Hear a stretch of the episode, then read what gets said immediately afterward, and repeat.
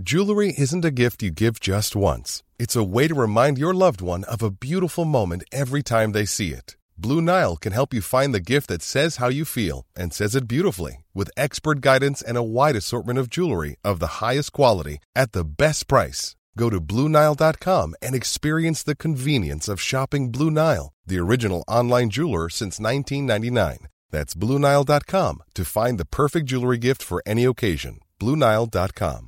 A lot can happen in three years, like a chatbot may be your new best friend. But what won't change? Needing health insurance. United Healthcare Tri Term Medical Plans, underwritten by Golden Rule Insurance Company, offer flexible, budget friendly coverage that lasts nearly three years in some states. Learn more at uh1.com. Hey, it's Ryan Reynolds, and I'm here with Keith, co star of my upcoming film, If, only in theaters, May 17th. Do you want to tell people the big news? All right, I'll do it. Sign up now and you'll get unlimited for $15 a month in six months of Paramount Plus Essential Plan on us. Mintmobile.com slash switch. Upfront payment of $45 equivalent to $15 per month. Unlimited over 40 gigabytes per month. Face lower speeds. Videos at 480p. Active Mint customers by 531.24 get six months of Paramount Plus Essential Plan. Auto renews after six months. Offer ends May 31st, 2024. Separate Paramount Plus registration required. Terms and conditions apply if rated PG. Vi är denna vecka sponsrade av Indie Beauty. Och Sofie, det här tycker jag är extra fint och extra roligt. Ja men Indie Beauty är ju ett skönhetsvarumärke som jag tror att väldigt många känner till, men det jag älskar mest det är att Indie Beauty liksom vill vara mer än bara produkter, vilket de ju också är. Exakt. Indie Beauty står ju för Independent Beauty, skönhet på dina villkor och för din egen skull. Och Indie Beauty tror ju stenhårt på ett alternativt skönhetsideal fritt från måsten, skam och känslor av otillräcklighet. Där är jag helt med Indie Beauty. Jag med. Det är så jag vill att skönhet ska vara. Ja men verkligen. Och vet du vad som är nytt för i år Sofie? Berätta. Från och med i år så skänker Indie Beauty 1% av sin försäljning till Suicide Zero, Tjejzonen och Djurens Rätt. Så när man handlar produkter från Indie Beauty så kan man liksom känna att man också ger tillbaka till samhället. Ja, kraften i tillsammans. Ska jag säga en sak nu då, Mm. som jag, det, men det är detta jag är extra glad över. Nu har Indie Beauty tagit fram en keps och den tycker jag ändå så på sommaren, skydda sig från solen, Jättebra, jag älskar kepsen. men det bästa, de bidrar till Suicide Zeros viktiga arbete för att minska antalet självmord och självmordsförsök.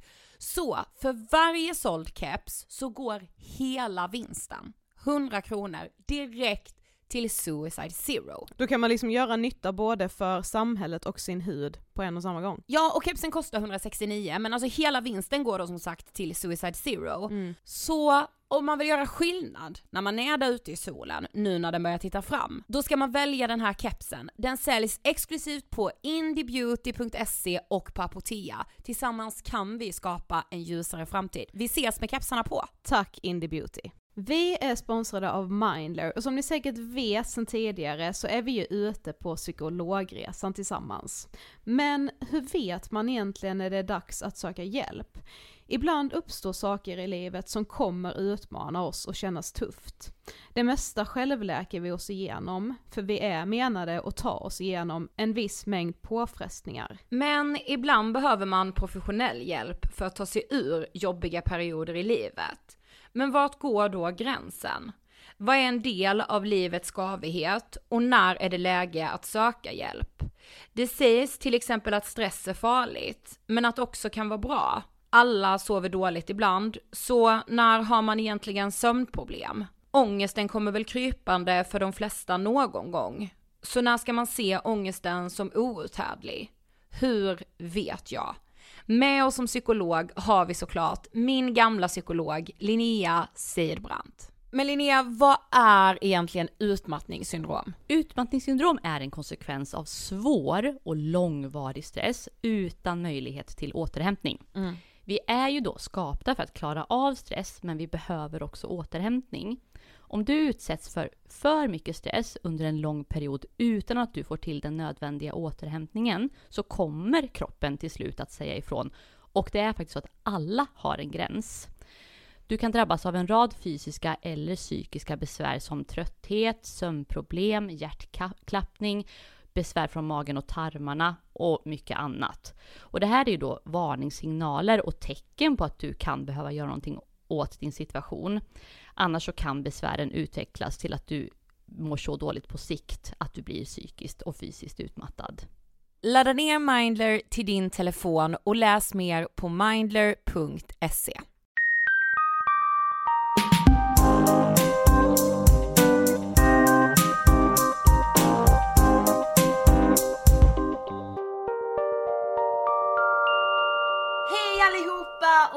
välkomna till 19 avsnittet av Ångestpodden! Hej! Woo, woo, woo! Känner du vilken energi jag har idag? Ja, jävlar. Jag vet, alltså nej men jag känner sommaren i mig, det är det. Jag kan bara säga så här, det trodde man inte för en timme sedan när du låg här och powernappade. Okej. Det är därför du har energi nu. Kan vara, kan vara. Ja. Jag har en sak jag ska berätta. Berätta. Alltså, förra veckan i fredags så var jag på stan. Vem möter jag då? Jo, jag möter min psykolog som jag hade under tiden jag gick i KBT för min panikångest.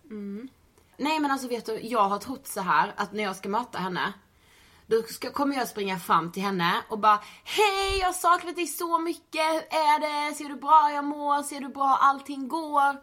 Och så vidare. Nej nej. Alltså jag låtsas som att jag inte ser henne. Och då, alltså Såg hon dig? Jag vet, nej jag tror inte det. Jag är, alltså jag är jätteosäker på om hon såg mig.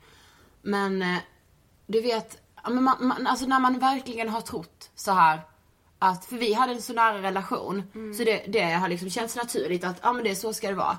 Nej direkt när jag såg henne så kände jag så här, jag bara, eh, jag är så sjuk. Jag vet inte, ingenting om panikångest. Nej. Det kändes som att jag liksom gick tillbaka. Ja, ja, som att du var tillbaka. Men det blir ju typ så bara för att hon är ju den enda ifrån den tiden som bara är kvar ifrån den tiden. Alltså vi var också där när du var sjuk, eh, sjuk säger jag nu, men vi har ju varit där hela tiden i ditt tillfrisknande. Men när du bara blev, blev fri från din panik, värsta panikångest, då försvann ju hon också ur ditt liv. Mm, jag så vet. blir att du förknippar det med den tiden. Jag vet, men jag tänkte bara att det var så sjukt och så Mm. tänkte jag att ja men det här måste jag berätta i podden för det är säkert någon annan som har känt så här också. Ja.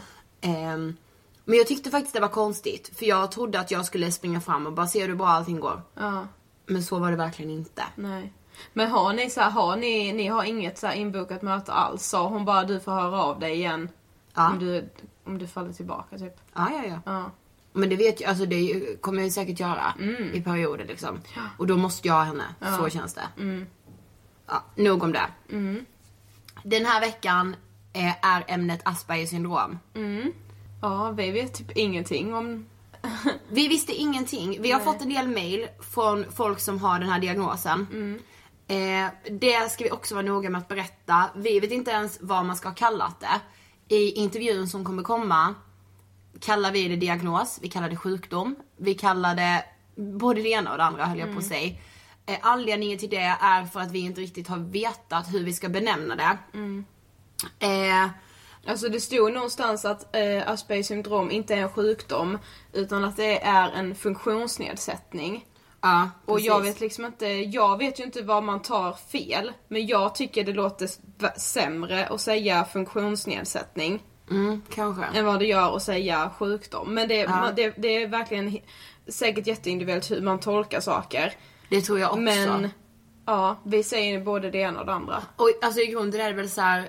Jag såg att någon hade skrivit det här på internet någonstans. Bara Aspergers syndrom är att du inte är som alla andra, du är annorlunda. Och det, för mig är det så här, kan det bli mer positivt eller? Nej precis. Precis som att man vill vara som alla andra. Nej. Det är det bästa när man inte är som någon annan. Exakt. Ja. Eh, och med oss i det här avsnittet så har vi en vän till oss som heter Marcus. Som har Aspergers syndrom. Eh, och första gången vi träffade honom så fick vi intrycket av att han var den mest sociala personen jag har träffat i hela mitt liv, tror jag. Skojar inte. Nej. Alltså han har sån god social kompetens. Ja. Och ofta när man hör om Asperger eller så här, eh, ja men läser om det, någon som har det eller liknande. Så är det verkligen så här. De har- Ingen social kompetens alls. Precis, saknar social kompetens. Alltså det är ju sjukdomen. Men det som är så jäkla häftigt det är att man kan träna upp sin sociala kompetens till max. Jag kan bara säga så här, Marcus är verkligen ett levande exempel på det. Alltså, så Sofie- sjukt inspirerande person, alltså jag kan inte fatta det. Nej men alltså Sofie, efter den här intervjun var jag så inspirerad. Alltså jag, wow säger jag bara. Ja. Och jag är så glad och stolt över att vi har honom som gäst här. Ja. Han är med i Ångestpodden, för jag kan säga så här: det är inte sista intervjun han kommer göra. Nej. Eller sista forumet han kommer synas i. Så kom ihåg var ni först hörde honom. Precis. Nu rullar vi intervjun med Marcus. Hej och välkommen Marcus! Tack så mycket. Eh, vi börjar alltid med eh, samma fråga till våra gäster. Eh, så den får givetvis du också. Vem är du? Mitt namn är Marcus och jag har Asperger och det är det jag är här för att prata om. Det är den snabba delen, så får man väl höra mer om mig under resans gång. Och vi ska ju prata om Aspergers syndrom idag. Eh, och vi vet ju ingenting. Men du sa ju ändå det precis innan. Ja. Vi är helt nollställda. Vi vet ingenting. Nej. Och det, jag tror att ganska många av våra lyssnare inte vet så jättemycket Nej. om det här heller. Så det ska bli så himla intressant. Mm. Och vi börjar där man brukar börja helt enkelt när man söker typ på google. På Vårdguiden 1177 och då står det så här. Aspergers syndrom är en neuropsykiatrisk funktionsnedsättning, bara det, de orden kan jag knappt säga det, som påverkar hjärnans sätt att hantera information. Om man har Aspergers syndrom märks det framförallt på hur man samspelar och kommunicerar med andra människor. Orsakerna till Aspergers syndrom är inte helt kända, men troligen bidrar flera olika biologiska faktorer, bland annat genetiska, till uppkomsten av Aspergers syndrom. Därför kan man ofta, men inte alltid, ha släktingar med liknande personlighetsdrag. Men om vi frågar dig, vad är Aspergers syndrom? Så Aspergers syndrom, det som är problemet med den diagnosen är att den är väldigt bred. Så att diagnoser är till för att man på något sätt försöker placera människor i olika fack och säga att det här problemet har du. Som att man brukar säga att människor med ADHD har problem med sitt temperament och har för mycket energi. Eh, men Asperger är ett sån bred diagnos att skulle du sätta dig i ett rum med tio människor med Asperger så är ingen identisk. Alla har olika problem. Men det som man oftast brukar ha gemensamt det är dels det här med att man har problem med det sociala. Att förstå andra människor. De som har lite grövre Asperger kan till exempel ha problem med att om du frågar mig Ska du äta? Då menar ju du, ska vi gå och äta? Men eh, även med Asperger tolkar det som en direkt fråga och ger det svar på det du frågar. Man förstår inte undertonen. Ja, jag ska äta. Men jag tänkte, du, du frågade om jag skulle äta. Och då kanske du säger, ja men ska du följa med äta? Nej. Ja men det var ju det jag nyss frågade, du sa ja. Nej, du frågade om jag skulle äta. Inte om jag skulle äta med dig. Och det brukar försätta vissa då personer med Asperger i sociala problem. För att den andra kan då tolka det som att man är dryg eller otrevlig. Och tycka, men vilken jävla attityd, varför beter- han eller hon sig sådär? Men den med Asperger förstår inte problemet och förstår inte då varför andra människor kan bli frustrerade. Ett vanligt drag också med många som har Asperger det är att man har ett så här, specialintresse brukar man kalla det för. Att man snör in sig något extremt i någonting. Det kan vara kläder, det kan vara historia, det kan vara dataspel. Det kan vara vad som helst. Det var till exempel en person jag kände som också hade Asperger hade snöat in sig i vinylskivor. Så det enda han var intresserad av var, var vinylskivor. Så han samlade på vinylskivor och han ville prata om sin vinylsamling och musiker som det fanns vinylskivor med. Så det blev ju problemet att i och med att det var det enda han var intresserad av så började du prata om något annat. Då tappade han intresset och ville så fort som möjligt byta tillbaks till det han tycker om att prata med. Eller hitta ett sätt att komma in på det. Och då kan det på så sätt ibland bli problem med sociala samspelet. Det är verkligen intressant. Ehm, om vi tänker mer på din resa, eller din sjukdom. Ehm, kan du berätta om när du fick ehm, din diagnos? Alltså, var det något specifikt som gjorde att du sökte hjälp? Eller ja, hur fick du diagnosen? Jag tror jag var åtta år när jag fick min diagnos och det var inte som att jag sökte efter det utan det var så att först fick jag dyslexi för jag hade problem med inlärningen i skolan. Det tog väldigt lång tid för mig att lära mig att läsa och skriva. Så fick jag först dyslexi. Men eh, den eh, terapeut eller psykolog eller vad det kallas för som gav mig det sa då till mina föräldrar att det är antagligen någonting mer än bara dyslexi. För er som verkar ha lite mer problem så det vore bra om man kunde komma och träffa oss lite oftare. Så då fick jag ju gå i någon form av kortvarig terapi som jag inte kommer ihåg så jättemycket av. Jag förstod ju inte när jag var där att jag var i någon form av utvärdering, att man skulle liksom sätta ett finger på vad det var för fel på mig. Det förstod ju inte jag. Jag trodde bara att jag skulle iväg och prata med någon och tyckte väl det var jätteroligt att slippa en skollektion varannan dag. Och åka iväg och bara få prata om vad jag ville. Eh, och man fick liksom leka med olika leksaker och så. Men det fanns ju någon typ av tanke bakom allt jag skulle göra. Och det slutade ju då med att jag fick diagnosen Asperger. Eh, och då förklarade man inte riktigt för mig då vad det var för att jag var så pass ung. Så att det var mer att man förklarade för mina föräldrar vad det var. Och då fick de gå någon typ av kurs för saker att tänka på när du har ett autistiskt barn. För det ska man, jag glömde nämna innan, att Asperger räknas som en typ av autism. Så att du räknas som autist när du har Asperger. Eh, Det är liksom en del av autismspektrat och i många andra länder finns inte diagnosen Asperger. Där får du antingen ADD eller autist. Men det ledde lite in på nästa fråga. Men vad sa, eftersom du var så ung, vad sa läkarna till dig då? Alltså hur fick du din sjukdom förklarad för dig? För, försökte de på något sätt vara liksom pedagogiska mot dig? Eller alltså kommer du ihåg hur det var? Ja, men det är ungefär, kom ihåg att man sa att men du är annorlunda än de andra barnen, Marcus. Sa man det till dig när du var åtta år? Ja. Men man försökte ju, det lilla jag kommer ihåg var att hon försökte ju på något snällt sätt försöka förklara att du är annorlunda men det behöver inte vara negativt. Nej. Men när man är åtta år så kan man ju inte förstå allt utan det man själv lägger vikt på det är du är annorlunda. Så det enda jag kommer ihåg var att när jag eh, kom tillbaka till skolan och efter skolan så gick jag för leka med mina två närmsta vänner. Eh, och jag vill inte ge ut deras riktiga namn så vi kallar dem bara för Fredrik och Johan. Fredrik och Johan. Ja, och då berättade jag för Fredrik och Johan att jag hade fått den här diagnosen och sa till dem att "Ja, men ni borde nog inte vara kompis med mig för jag är tydligen efterbliven. Och då undrade de, "Men vadå du är efterbliven? Så nej men det var en, jag har liksom, ja, gått, träffat någon som ni vet och nu har jag fått veta att jag har något som heter Asperger och jag är tydligen autist och efterbliven. Men då sa de, nej men det är skitsnack, det har du inte. Vi, vi tycker fortfarande om dig. Och då var ju det de första, förutom min familj och mina lärare, som visste om att jag hade det här. Mm. Eh, men sen efter ett tag så visste ju ungefär hela skolan att jag var annorlunda för att jag fick en, eh, jag vet inte vad man kallar det för, men jag brukar kalla det för en assistent. Det var en person som bara jobbade med att hjälpa mig att ja, ledsaga mig till skolan och hem till skolan för att jag skulle lära mig att kunna gå fram och tillbaka själv. I början när jag var liten blev jag alltid skjutsad av min mamma. Och... Så jag blev extremt curlad och när man var sådär liten, när jag gick i Bromstenskolan som det hette, då är inte barn, man kan väl säga att barn är lite för unga för att vara elaka, om man säger så. Att det är inte ett problem att vara annorlunda, det är inte nödvändigtvis något negativt. Det kanske är wow vad coolt att eh, liksom, men den där killen jobbar med att vara med dig och är din kompis och att han som vuxen kompis.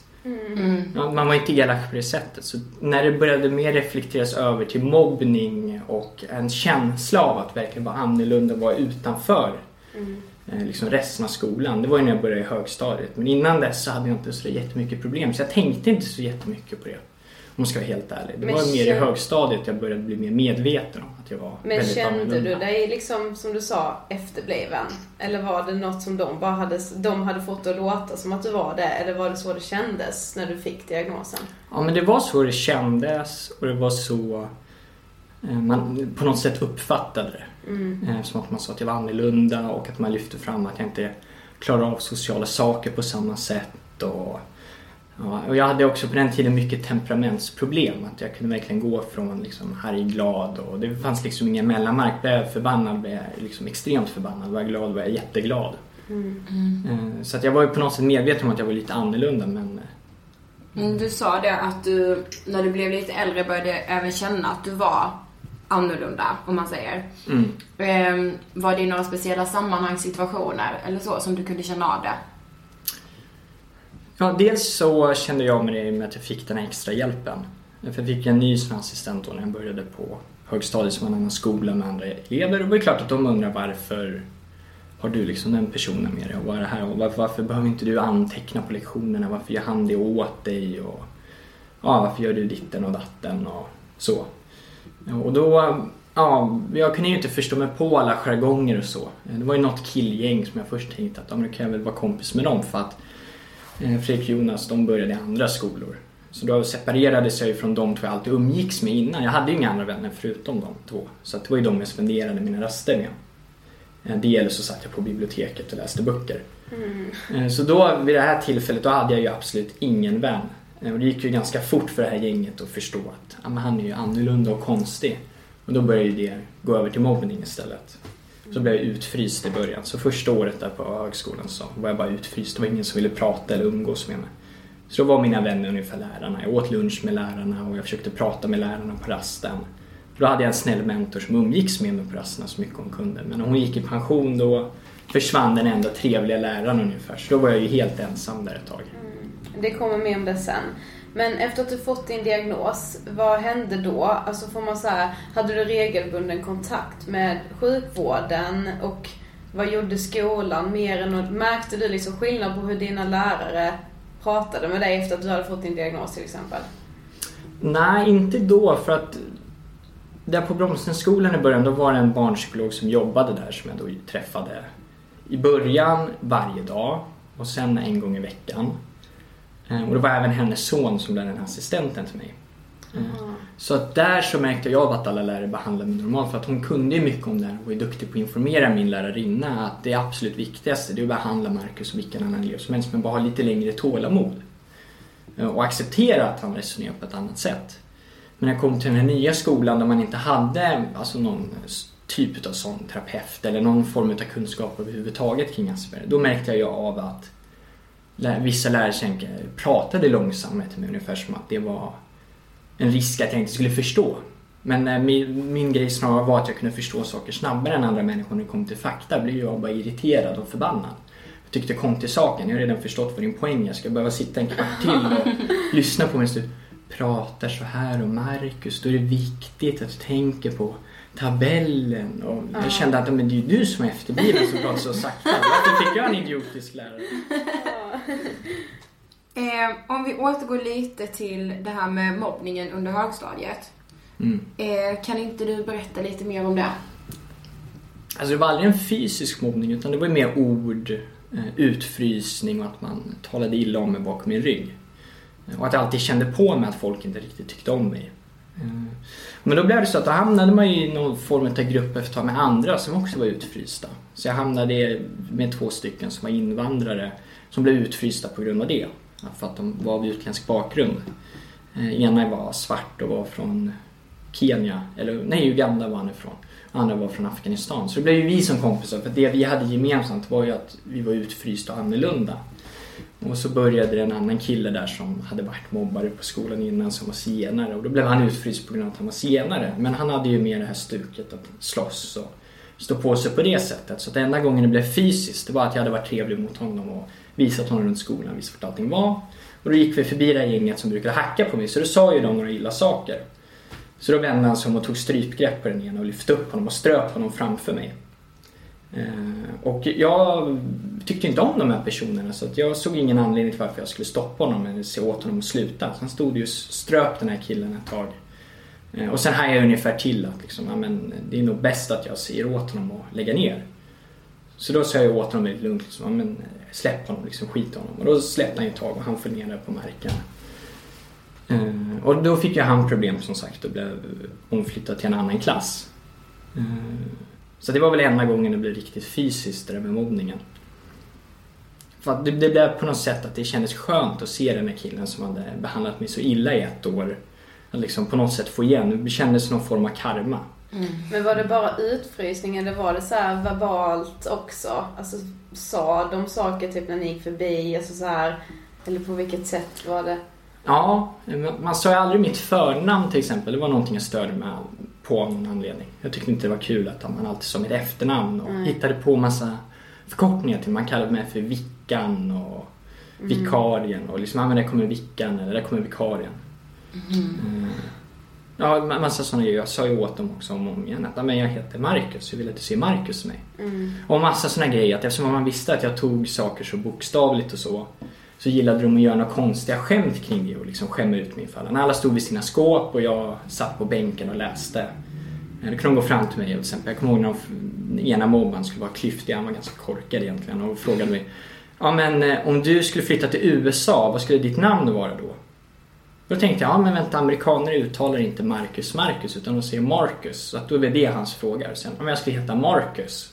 Nej, du skulle fortfarande heta Marcus. Titta här är Marcus, han är så korkad. Han tror han får ett nytt namn bara för att han flyttar. Alltså. Då stod alla och garvade åt mig. Mm. Men på efterhand så förstod jag att det var ju de som var ganska så korkade. Så problemet var ju snarare att det var jag som var lite mer vuxen i huvudet än vad de var. Och det är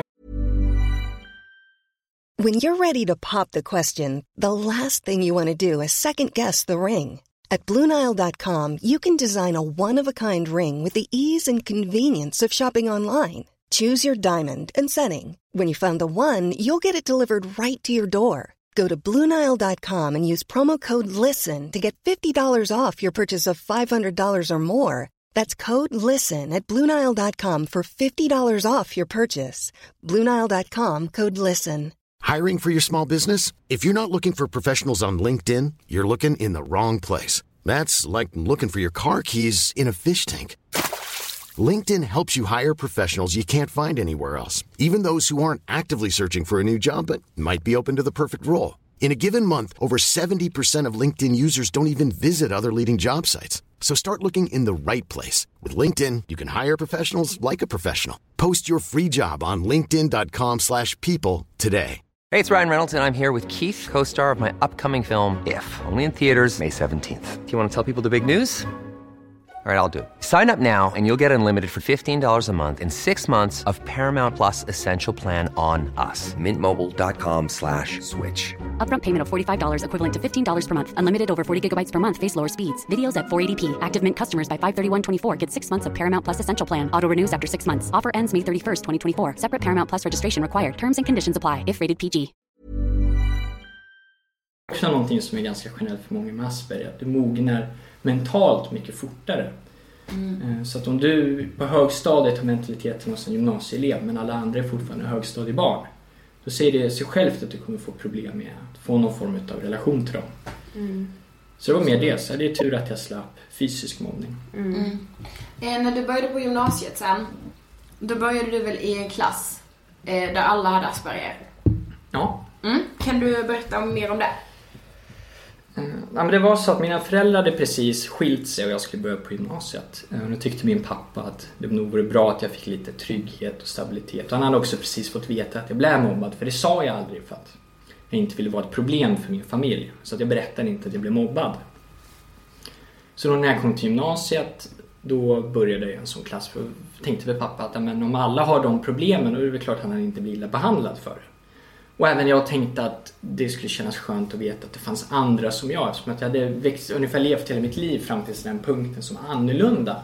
Så levde man i någon form av illusion om att men jag är ensam med att vara så här.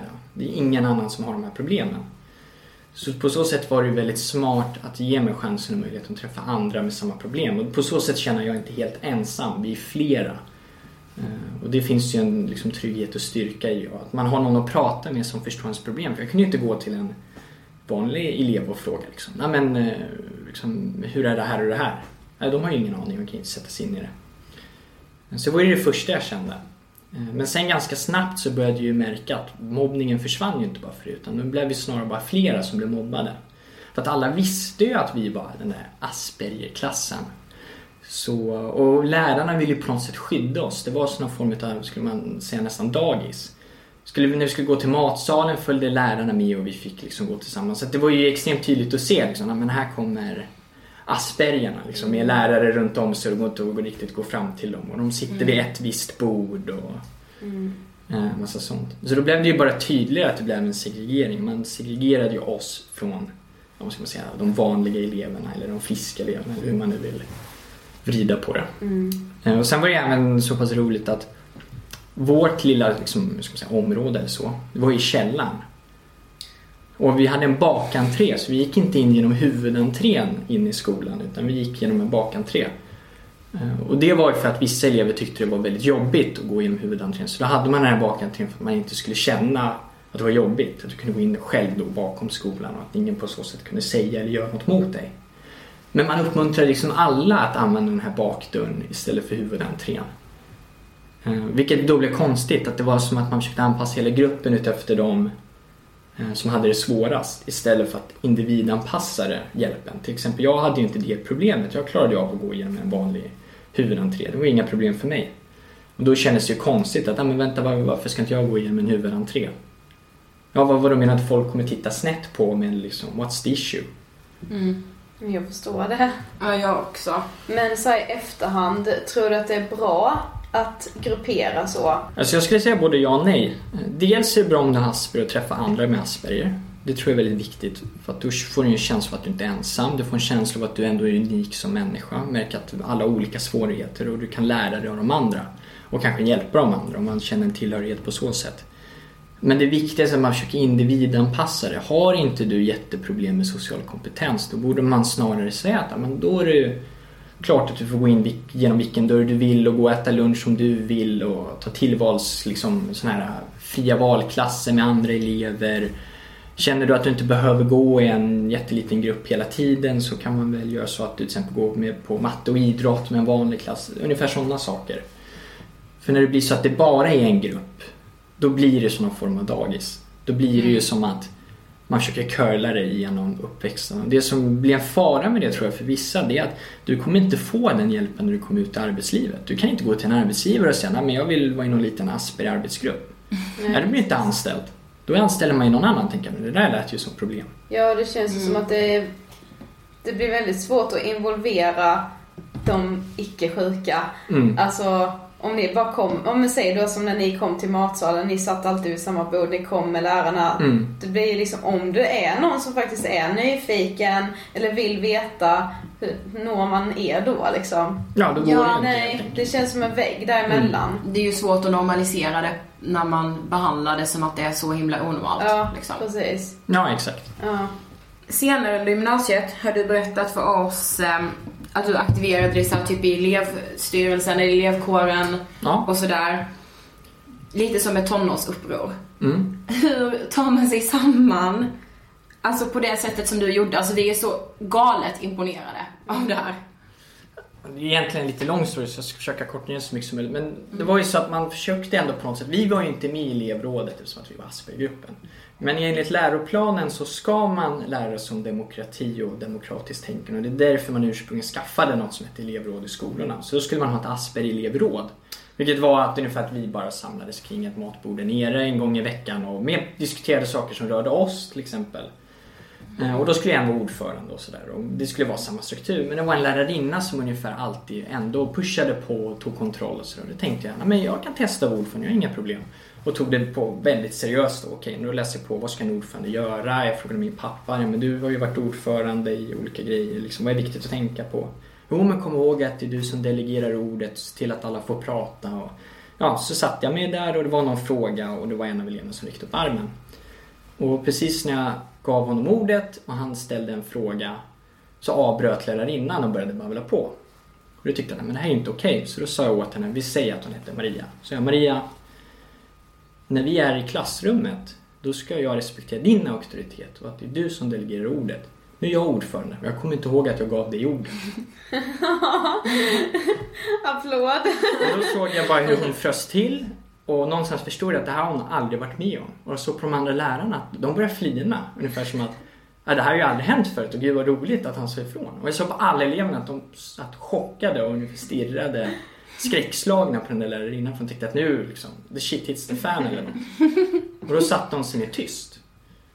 Och då kände jag att jag vann. Jag utövade någon form av makt eller så. Och då sa jag liksom, ja men fortsätt vad var din fråga? Ja, nej, men det är någon som kan besvara den frågan. Ja, nu Maria får ordet. Och då kände jag liksom att ja, men det gick. Och då började det ju först med att jag engagerade mig där och började säga det att men det är ju klart att vi borde ha en representant i elevrådet också. Ja, nej men det är inte så bra och det är inte så många som känner sig bekväma med det. Så nej, men jag känner mig bekväm med det. Vi kör väl ett litet val då. Kan inte alla här nere få rösta om vi ska vara med i elevrådet eller inte? Det gick väl ut på att det skulle vara demokrati. Ja, då gick jag runt i de olika klasserna vi hade den i fall gick i olika årskurser. Så att jag tycker vi ska vara med i elevrådet och jag vill vara vår elevrådsambassadör. Så det hade blivit ett val och så blev jag enhälligt vald att få tas upp dit. Och då gick jag upp med liksom målet att nu ska jag se till att vi får det bra och att vi inte ska behöva känna oss förföljda eller rädda. Så då började jag ta plats där och började vara med i elevrådet och sen kandiderade jag till styrelsen. Och blev invald där. Och sen var jag med när vi gjorde om oss en elevkår. Men hur var reaktionen när, när du gick upp och sa att ni ville vara med i elevrådet? Nej men först, det var inte riktigt så utan eh, lärarna sa ju såklart att ja men det är väl klart de får med också. Så det var ingen som visste att jag var liksom från den klassen utan alla klasser hade ju olika förkortningar. Våran var ungefär, vad var det? Eh, typ SAM A eller något sånt där. Det stod ju för samhälle Asperger-inriktning. Samma A liksom 1 var jag ifrån. Stod det att min klass var. Och det var ingen riktigt som visste vad det var så det tog ett litet tag innan folk fattade det. De tänkte att han är väl från någon samhällskunskapsklass eller något sånt och pratar på. Men han verkar ju ta en massa jävla plats. Eh, Sen kom ju fot, första det här fotoalbumet med klassfoton. Eh, Och då sa man, ja men vänta han är ju med i Asperger-gänget. Och då började jag ju mer märka av det. Att folk ställde frågor, eh, kanske viskade lite. Men, men sen var det några som kom fram med mer nyfikna frågor. Jag märkte att det inte var någon, alltså, någon illa menat utan mer än bara nyfikenhet. Då var det klart att jag besvarade de frågorna och så. Eh, Men så var det ju de då som försökte vara lite taskiga eller säga någonting illa. Men vad kunde det vara då? då? Det var väl någon gång när jag skulle in på det där mötet så sa de, "Ja, men kolla där kommer en där Marcus. Och så sa han till den andra liksom, vad fan Hassan alltså, om en efterbliven kille vågar snacka på de där mötena, varför vågar inte du? Ungefär som att det skulle vara något liksom, ja men om han klarar av det måste vi vara så grymt mycket bättre än honom. Ja, jag var skakad. Jag också. jag- irriterad och gick Ja. över till honom och sa, du jag hörde vad du sa. Och jag sa ingenting. Så, nej men låtsas inte att jag är döv. Det kanske är så att på grund av att jag har Asperger så klarar jag av mer än du. Har du tänkt på att det kanske är du som är mindre värd än mig? Så gick jag in. Och det var ju då ungefär det uppror började, att jag ville vända upp och ner på det. När alla hela tiden sa till oss att vi var mindre värda eller sämre. Då började jag ungefär gå på, jag blev som någon liten, vad ska man säga, typ aspergersionist och började köra istället att nej, vi är bättre, vi kan, vi ska ta för oss. Och det borde vi banne mig göra också. Ja, men du skrev så här när du skrev ihop en liten story till oss, så var det verkligen en sak som vi tyckte var så här, bara, wow. Så skrev du så här, jag lärde mig det man sa till mig att jag aldrig skulle kunna ha, social kompetens. Och vi har pratat om det jag och Sofie, första gången vi träffade dig, för vi har en gemensam kompis. Alltså det man möts av när man träffar dig, det är verkligen hur god social kompetens du Ja. har. Extremt hög kompetens. Ja, alltså verkligen. Och det är så himla häftigt att, ja, men att du har det trots att du har fått höra så här att du kommer aldrig kunna ha det. Jag vet inte, jag undrar, alltså du kanske inte minns heller men jag blev ju liksom chockad när du sa att du hade Aspergers. För för mig, alltså visst jag, jag, jag tänkte mig inte det för att du hade så himla god social kompetens och du satt, då hade vi suttit och haft någon annan så här, politisk diskussion, alltså vi hade haft en så trevlig kväll. Så att det var så här, jag bara va? Fattade ingenting. Och det börjar bli något vanligt faktiskt att numera när jag träffar nya människor och säger att "Ja, men jag har Asperger. Då säger de oftast att det måste vara fel. Då går de in i någon form av dialog att nej, det måste vara en feldiagnosering. För att man har på något sätt just i Sverige implementerat det här med att du kan inte bli bättre på något sätt. Utan du kan inte lära dig. Och det är helt fel. För att det mer är, att tänk dig ungefär att det är som att man ska springa 100 milen.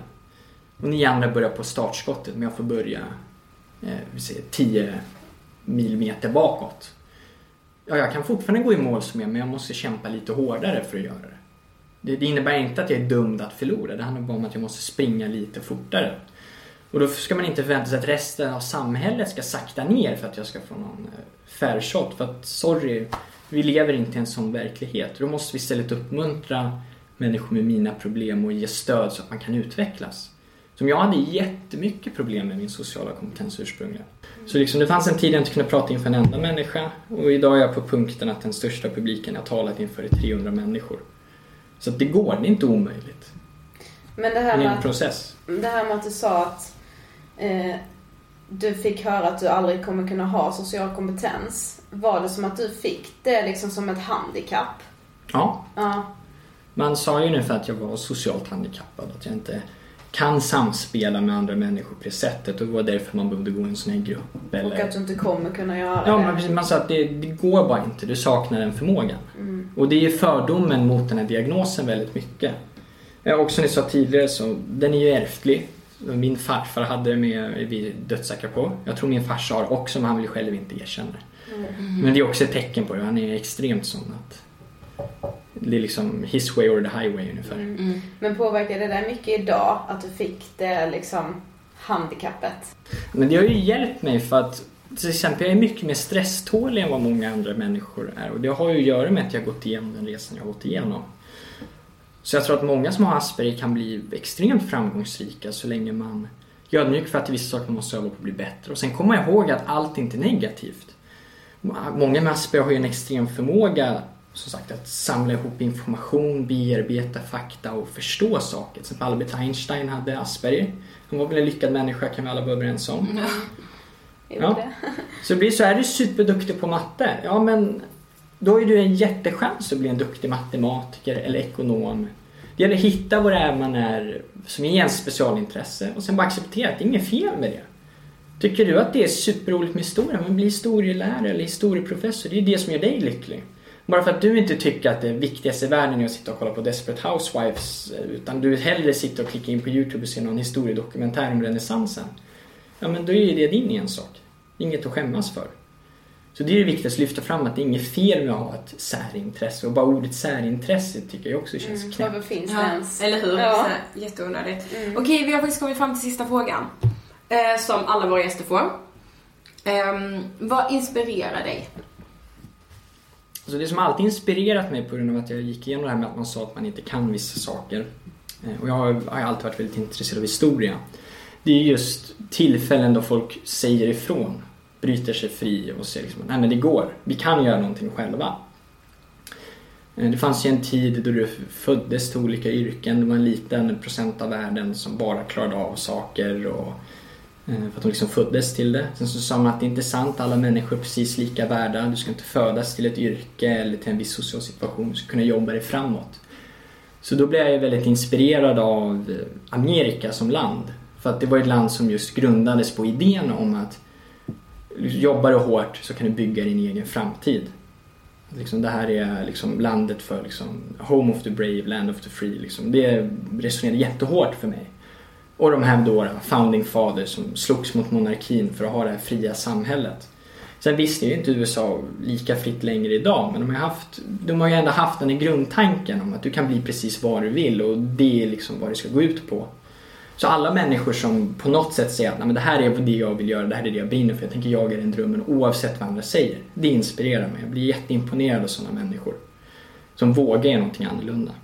Och då är mitt tips till dem att bara komma ihåg att nej-sägarna kommer ingen vart. Och Ofta så säger de nej för att de själva inte vågar göra något. De vågar inte jaga sin egen dröm.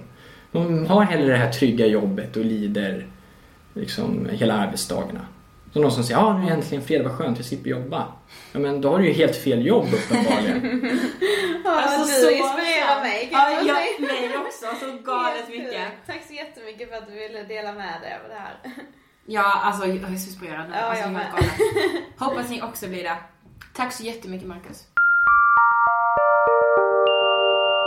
Där har vi det. Ja, vad var det vi sa?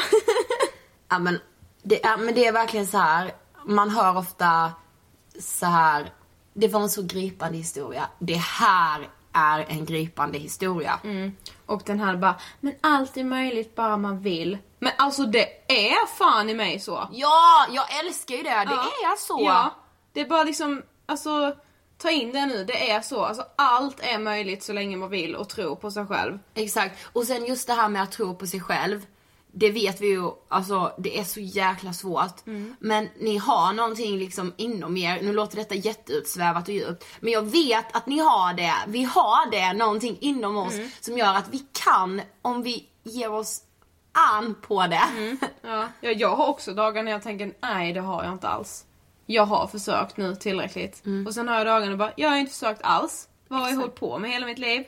Alltså man får tillåta sig själv också att gå så upp och ner men alltså jag tror fan i mig det. Alltså allt går. Om inte annat så ger Marcus mig den tron kan Eh, jag bara ja, säga. då är det, har jag dagar när jag tvivlar på mig själv då ska jag sätta på den här intervjun och så ska jag bara insupa hans, Ja.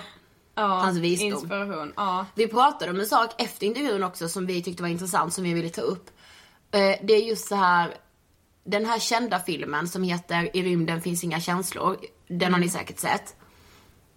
Och den ger en bild av Aspergers syndrom som att det skulle vara en människa som är totalt efterbliven. Ja, lite så här, det var som jag sa också till Marcus, då är det typ så här, alltså han som spelar huvudrollen där som har Aspergers syndrom, han är lite som Skalman i Bamse. Det är så här, han har typ en äta-sova-klocka och allt måste ske på exakt samma tider, eh, exakt likadant, alltså exakt samma måltider på, under veckodagen. Alltså så här extremt principfast.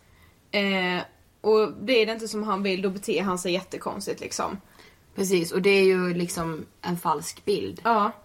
Men det, var ju den bilden jag hade. Ja precis. Visst det finns säkert de som lever sina liv på exakt det sättet. Men alla med Aspergers syndrom gör inte det. Mm. Nej precis. Det är lika individuellt som att du skulle kunna ha ett sånt schema för att du vill ha. Du är liksom kontrollerande, du vill ha ett sånt schema. Ja, jag är inte kontrollerad alls, jag kan inte kontrollera mig själv ibland. Exakt, Nej, men, det, är sånt, det är inte någonting som kommer sjukdomen till. Nej precis. Eller Alla nu sa jag sjukdomen, hörde du det? Ja. Det är ingenting som kommer Aspergers syndrom till. Nej. Det var allt för den här veckan, underbara ni. Mm. Eh, vi, ni får ha en skitbra sommar. Vi hörs ju nästa vecka. Det gör Men vi tills dess får ni garanterat. ha en eh, bra start på juni månad. För det kommer det vara. Det är juni nu, snart. Jag älskar detta. Ja. Jag älskar ångestpodden. Ja, jag med. Eh, som vanligt så hörs vi på Instagram, Mm. Angestpodden. Ni hittar mig, Ida Hockestrand på Instagram. Och mig, Sofie Hallberg. En ny sak som vi har kommit på som vi älskar, det är när ni twittrar, använd hashtag ångestpodden. Så vi hittar det ni skriver om oss. Då blir vi glada. Yes, då känns vi som en hel skitstor ångestpodden-familj. Ja, verkligen. Kan det bli bättre? Nej. Vi hörs nästa vecka. Tack för att ni har lyssnat på oss. Ha det bra! Hej då!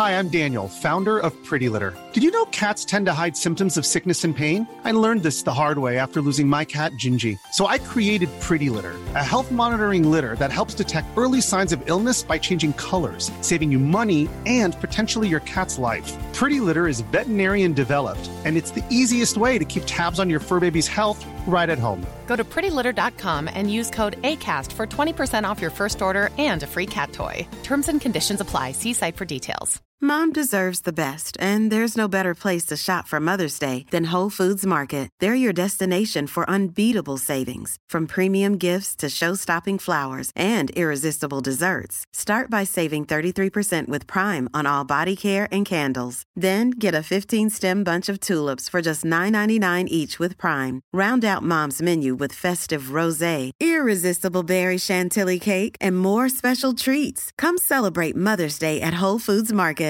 Even when we're on a budget, we still deserve nice things. Quince is a place to scoop up stunning high-end goods for 50 to 80% less than similar brands.